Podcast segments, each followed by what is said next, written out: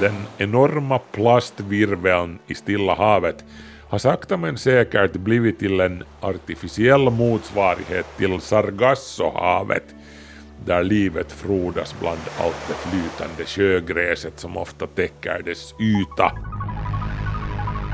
10, 9, 8, ignition sequence start. 5, 4, 3, 2, 1, 0. Saut quantique. Salto quântico, salto quântico, salto quântico. Salto quantico. Salto. Salto det du inte visste att du ville veta. Det är glest mellan de goda nyheterna när det kommer till miljön. Och inte heller det här är en sådan. Inte egentligen. Vi kan ju kalla det för en tur i oturen nyhet. Låt mig förklara vad jag menar. Vi har i åratal fått höra att det barkar åt fanders med oceanerna. Inte minst på grund av alla våra plastsopor som hamnar i världshaven. Det har gått så långt att det finns en artificiell flytande kontinent av plast i norra delen av Stilla havet med ett eget namn och allt. The Great Pacific Garbage Patch eller det stora Stillahavssopområdet. Området har beskrivits som världens största soptipp. Andra motsvarande områden finns sen i de andra oceanerna.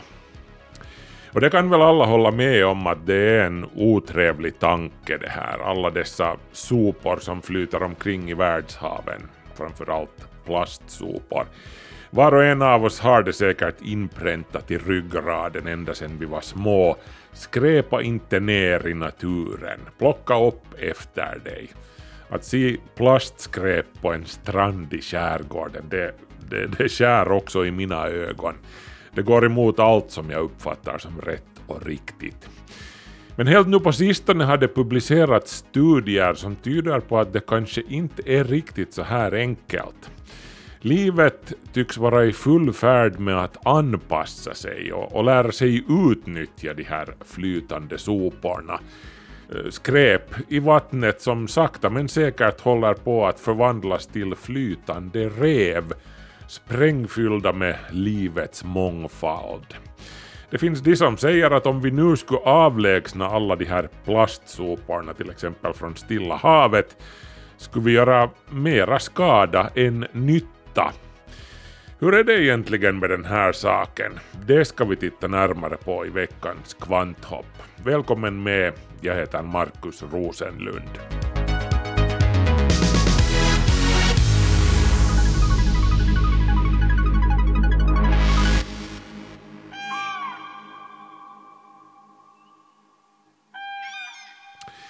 Först ett ord till tröst åt alla er som misströstar över all plast som ligger och, skräpar överallt.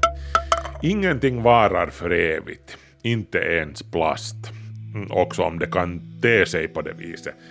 Och den tanken har ju nog slagit mig också. För ett antal år sedan byggde min hustru och jag en sommarstuga på mormors och morfars gamla holme i Ingo. När vi grävde grunden då hittade vi en begravd plastpåse full med gammalt skräp. I den fanns bland annat tomma filburkar med texten fortfarande fullt läslig.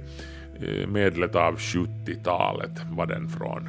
Det var morfar som hade ätit den där filen, han älskade fil till frukosten. Och när han var klar med, med filen så gick han ut och grävde ner soporna på bakgården. Inte för att han skulle mena någonting illa med det, det var nu bara så som hans generation alltid hade gjort. Och generationerna före honom. Plast var någonting nytt för morfar. Han kunde inte föreställa sig, han och mormor kunde inte föreställa sig hur, hur långlivat det är. Eller att det med tiden skulle komma att lusa ner det hav och de klippor som morfar och mormor älskar så djupt.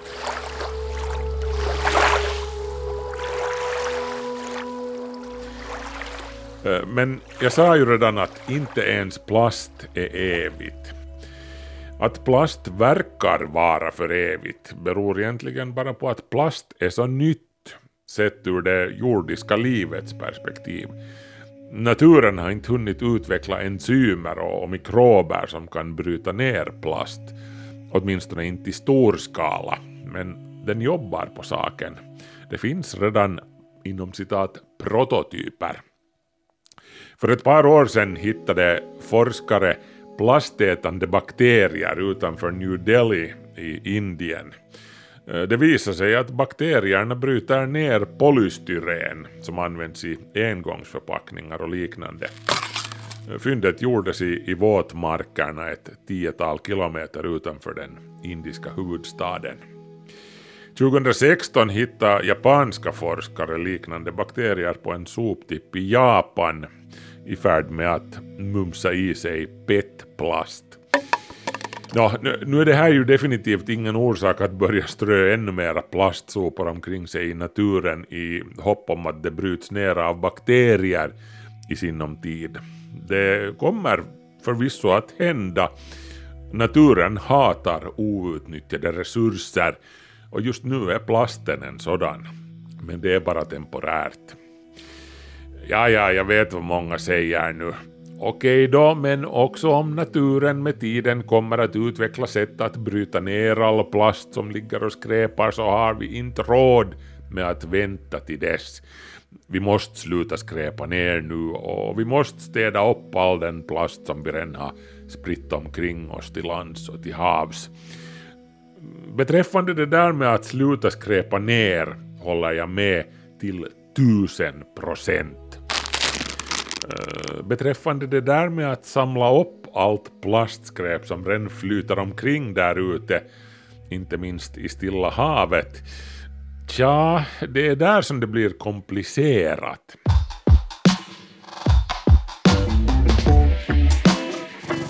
En annan sak som däremot är helt och hållet entydig är att det finns en massa plast bara i oceanerna. En massa. Bara den här stora marina soptippen i Stilla havet är mer än dubbelt så stor som Frankrike, omkring 1,6 miljoner kvadratkilometer.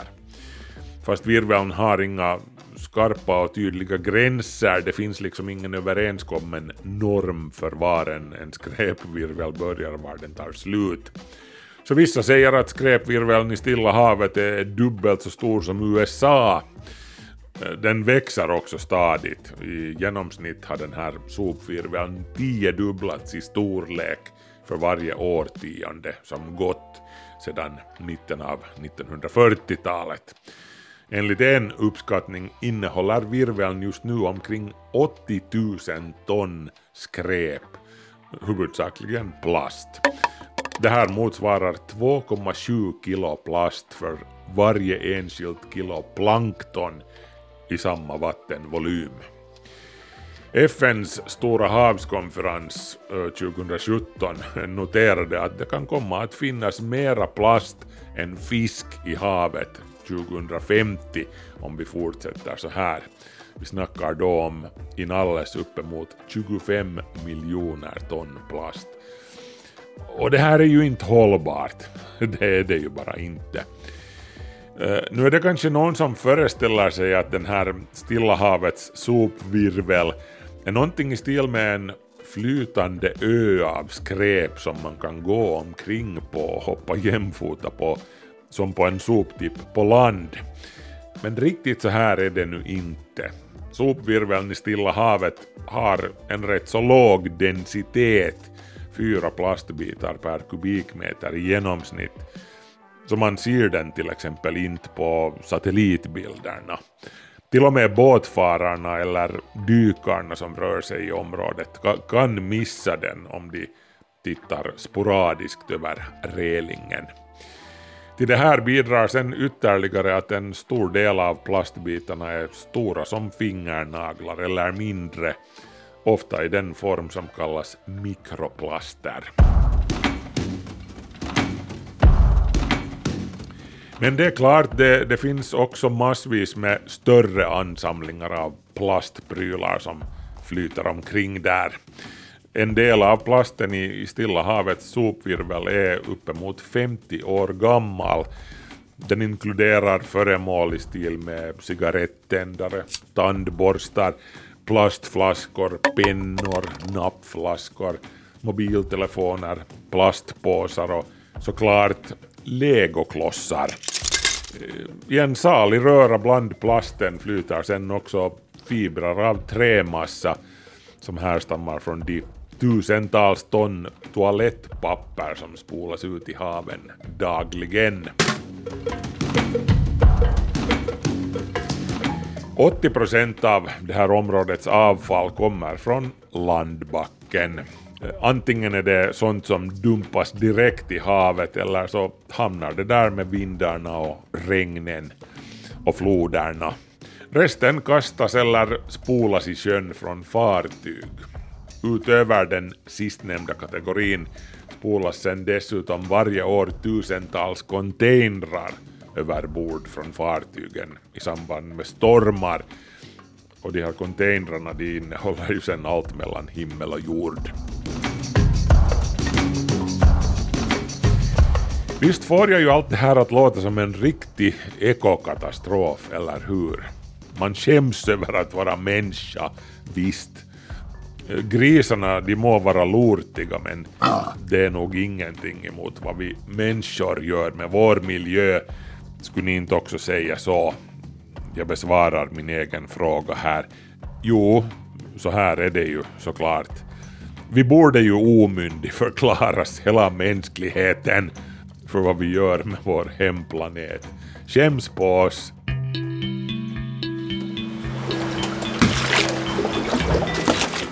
Men det är här vi kommer till myntets andra sida, den här turen i oturen som jag redan nämnde. Det där med naturens fantastiska förmåga till anpassning och improvisering. Helt nu på sistone, under de senaste åren, har det börjat gå upp för diverse forskare och andra observatörer som rör sig i området att Stilla havets plastvirvel de facto inte är en död och steril ödemark av mänskligt avfall.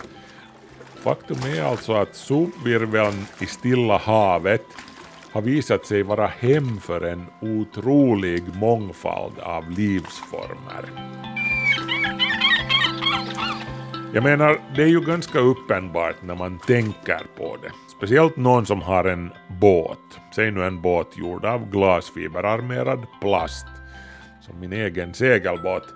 Någon sån människa vet ju hur det går om man lämnar båten i sjön en längre tid.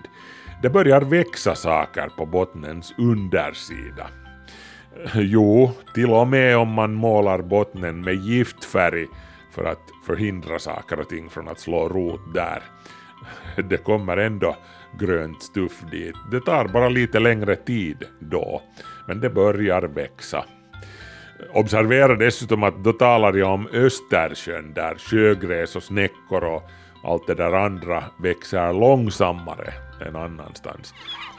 De som seglar i Stilla havet, de får förr eller senare en helt tropisk undervattensskog med sjögräs som hänger från bottnen om de inte skrapar bort den med jämna mellanrum. Och den här skogen gör ju sen att båtens fart lider. Poängen här är hur som helst den att en båt med tiden blir till ett flytande artificiellt rev där all världens sjögräs slår rot och, och bland det sjögräset trivs sen diverse fiskar och, och småkryp och räkor och vem vet vad. Och då snackar vi alltså bara ännu om en båt med Pelle och Lisa ombord som är ute och bränner sina besparingar på en världsomsegling ombord på den begagnade båten som de har rustat upp, vars botten de sen skrapar ren från livsformer med jämna mellanrum samtidigt som de svär över den usla giftfärgen som marinbutiken sålde åt dem hemma i Finland. Tänk då på hur den plast ska se ut som flyter omkring under Stilla havets varma sol år efter år, årtionde efter årtionde. Ja, faktum är att det också finns hela övergivna eller borttappade plastbåtar som driver omkring där i den sopvirveln i Stilla havet. Och då säger det ju liksom sig självt att det börjar växa saker på det plastskräpet. De marina organismerna de vet inte skillnaden mellan ett stycke naturlig drivved eller en strandsten eller en bortkastad petflaska. Om de stöter på någonting som de kan slå rot vid, ja, no, men då gör de det.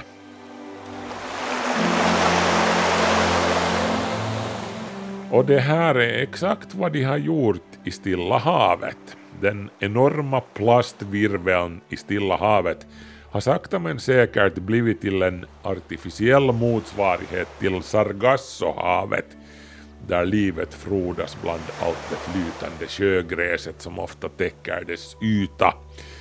Eh, Sargassohavet som alltså ligger nordost om Kuba har fått sitt namn från de tjocka mattor av en speciell sorts brun alg, sargassotång kallas den också. Eh, den kartagiske upptäcktsresanden Himilkon beskrev på 500-talet före Kristus Sargassohavet så här i sin reseskildring. Mycket tång växer i dalarna mellan vågorna och saktar ner fartygen som buskar. Här rör sig havets monster långsamt hit och dit och stora monster simmar likgiltigt bland de långsamt krypande fartygen. Sargassohavet är alltså unikt i världen med sina pelagiska rev, alltså ansamlingar av liv och växter mitt ute på oceanen.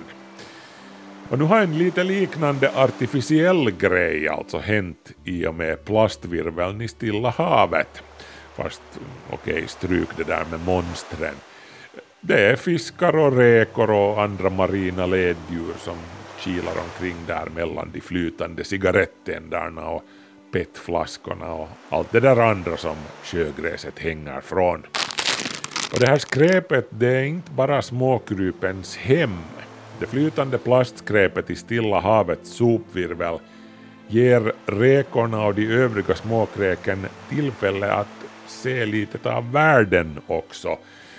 Jag menar den här plasten den kan som sagt flyta omkring i havet i tiotals år utan att brytas ner.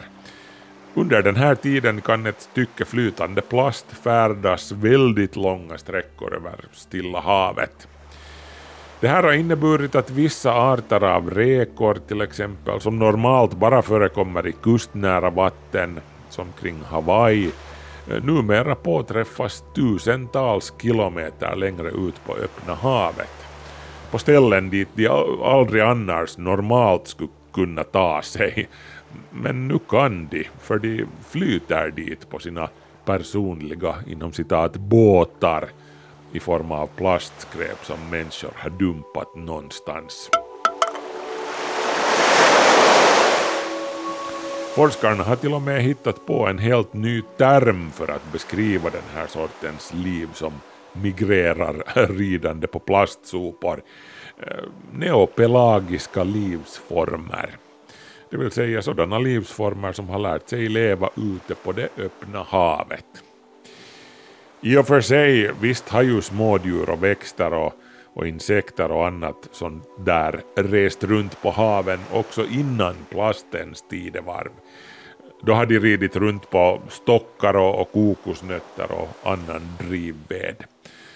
Det är ju rätt långt så här som de har koloniserat Stilla havets alla öar till exempel.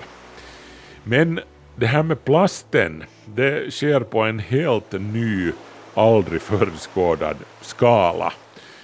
Och som sagt, den här plasten kan flyta runt där i årtionden utan att förmultna, i motsats till en kokosnöt till exempel.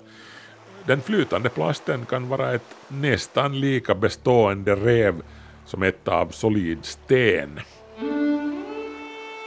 Så de nya neopelagiska livsformerna de använder inte plastskräpet bara till att rida från ö till ö. Det här flytande plastskräpet har blivit helt nya sorters ekosystem och miljöer. Flytande rev alltså. Ställen där diverse livsformer kan trivas från generation till generation i årtionden. Globaliseringen och de moderna transportmedlen har gjort det möjligt för människorna att röra sig gränslöst över jorden och kolonisera fjärran avkrokar. Och nu visar det sig alltså att samma globalisering också har nått havets livsformer när flytande artificiella rev av plastsopor tillåter tidigare kustnära arter att kolonisera det öppna havet och, och resa tvärs över det.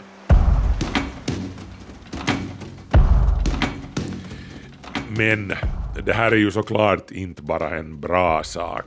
Havströmmarna kan föra plasten över enorma sträckor, till och med till helt andra hav. Det här betyder att de här småkrypen med tiden kan finna sig i områden där de inte alls hör hemma. Vi snackar då om ekosystem där den lokala floran och faunan helt saknar motståndskraft mot nykomlingarna som nyss flöt i land på en tom läskflaska. Det flytande plastskräpet hotar med andra ord förvärra problemet med invasiva arter. Så jo, det är ett problem det här också.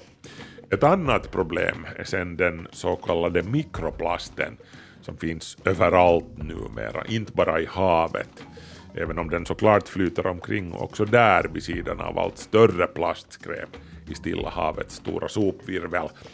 Det har beräknats att det kan finnas mer än 50 biljoner partiklar av mikroplast i världshaven. Det här förklarar till exempel att de här små plastfragmenten, mindre än 5 mm i diameter, har hittats i 16 av 17 olika märken av havssalt som säljs i butikerna. Det är inte klokt det här på riktigt. Eh, men ett mycket större problem än havssaltet i butiken är ju såklart att mikroplasten också tar sig in i havets olika små livsformer som ofta utgör basen till oceanernas näringskedjor. De små plastpartiklarna kan sen blockera eller störa funktionaliteten hos olika vitala organ på djuren.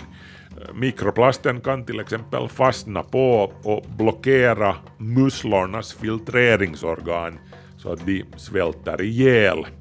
I fiskar kan mikroplasten sen till exempel täppa till gälarna så att fiskarna inte kan andas eller proppa igen deras matsmältningssystem.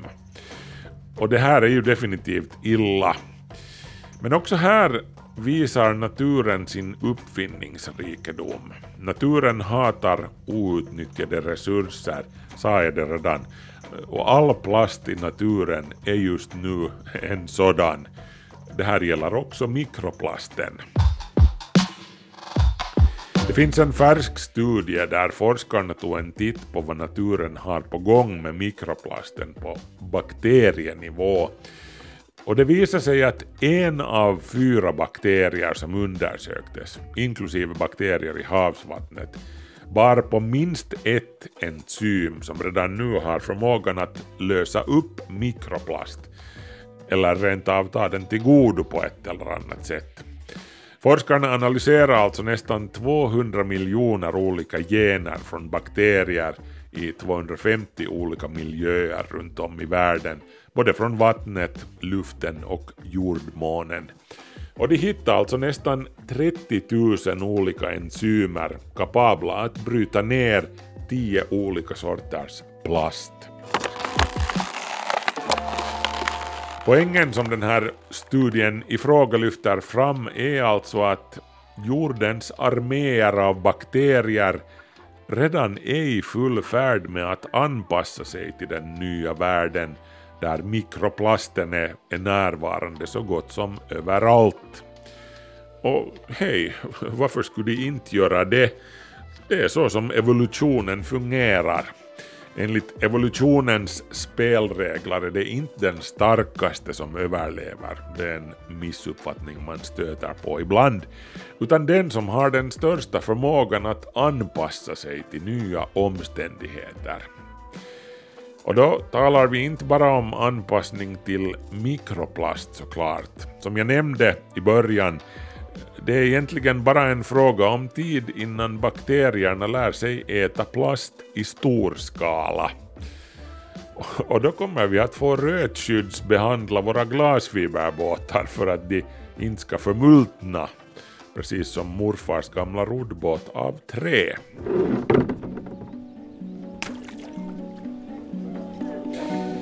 Men tillbaka nu till de här flytande reven av plastskräp som har uppstått i Stilla havets stora sopvirvel. Vad borde vi göra med dem? Ryggradsreflexen hos många naturskyddare är fortfarande ofta att vi, vi måste nog städa upp oceanerna nu. Och det finns ju redan många projekt och uppstartsföretag som siktar på just det här i stil med theoceancleanup.com. Eh, de åker ut med sina båtar och, och hovar bokstavligen in tonvis med plastskräp. Men frågan är hur smart det här är, framförallt i Stilla havet. När The Ocean Cleanup publicerade ett foto av ett lass med plastskräp som de hade fiskat upp från Stilla oceanen kommenterade en marinbiolog fotot genom att ta en röd tusch och ringa in alla de döda smådjur och andra marina organismer som det vimlade av mellan plastskräpet. Plus en syrlig kommentar om att ja, ni menade ju så väl, men en annan forskare, Rebecca Helm från University of North Carolina, twittrade med tanke på antalet fiskar och djur som lever i plastvirveln, skrev alltså Helm, är det faktiskt inte en så bra idé att samla upp plastsoporna med fysiska nät. Fokusera hellre på att stoppa plastföroreningarna vid källan så att skräpvirveln inte blir större. Så sa alltså forskaren Rebecca Helm på Twitter. Och det sistnämnda kan ju var och en av oss underteckna. Det är inte en bra idé att skräpa ner naturen med plast. Det är helt klart det här. Också plast som kastas i naturen på land förs med tiden ut i haven med regnen och, floderna. Och där finns det redan plast så det räcker och blir över i oceanerna. Eh, så mycket de facto att livet redan som sagt har utnyttjat det till att skapa helt nya artificiella Galapagosöar som sjuder av liv. Det livet kan vi kanske låta hållas med sin plast när de nu en gång har flyttat in där och gjort det till sitt hem. Ja, jo, klart är hur som helst att livet finner en stig. Life uh, finds a way. som forskaren Ian Malcolm, den, den fiktiva forskaren Ian Malcolm sa det i filmen uh, Jurassic Park. Det har livet alltid gjort, hittat en stig. Livet kommer att lära sig att äta mikroplast och större plast också. Bakterier har en otroligt snabb evolution i och med sin snabba generationsväxling. Bakterier och andra småkryp är kvicka på att anpassa sig. Vid större djur i den övre änden av näringskedjan däremot, allt från fiskar och, och fåglar och marsvin uppåt, vi är en lite annan femma. Vi kan ju bara hoppas att vi anpassar oss till mikroplasten. Och eftersom jag nu råkar veta att det inte kommer att ske över en natt, så jag menar, om vi inte vill tänka på miljön så kan vi ju åtminstone tänka lite på oss själva och på våra barn.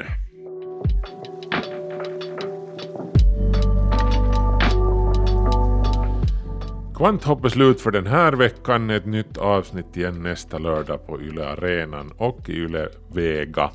Eh, Markus Rosenlund säger nu tack och hej. Kom ihåg att titta in på vår Facebook-sida och har ni ärende så skriver ni till kvanthopp.yle.fi. Ha det bra, hej så länge.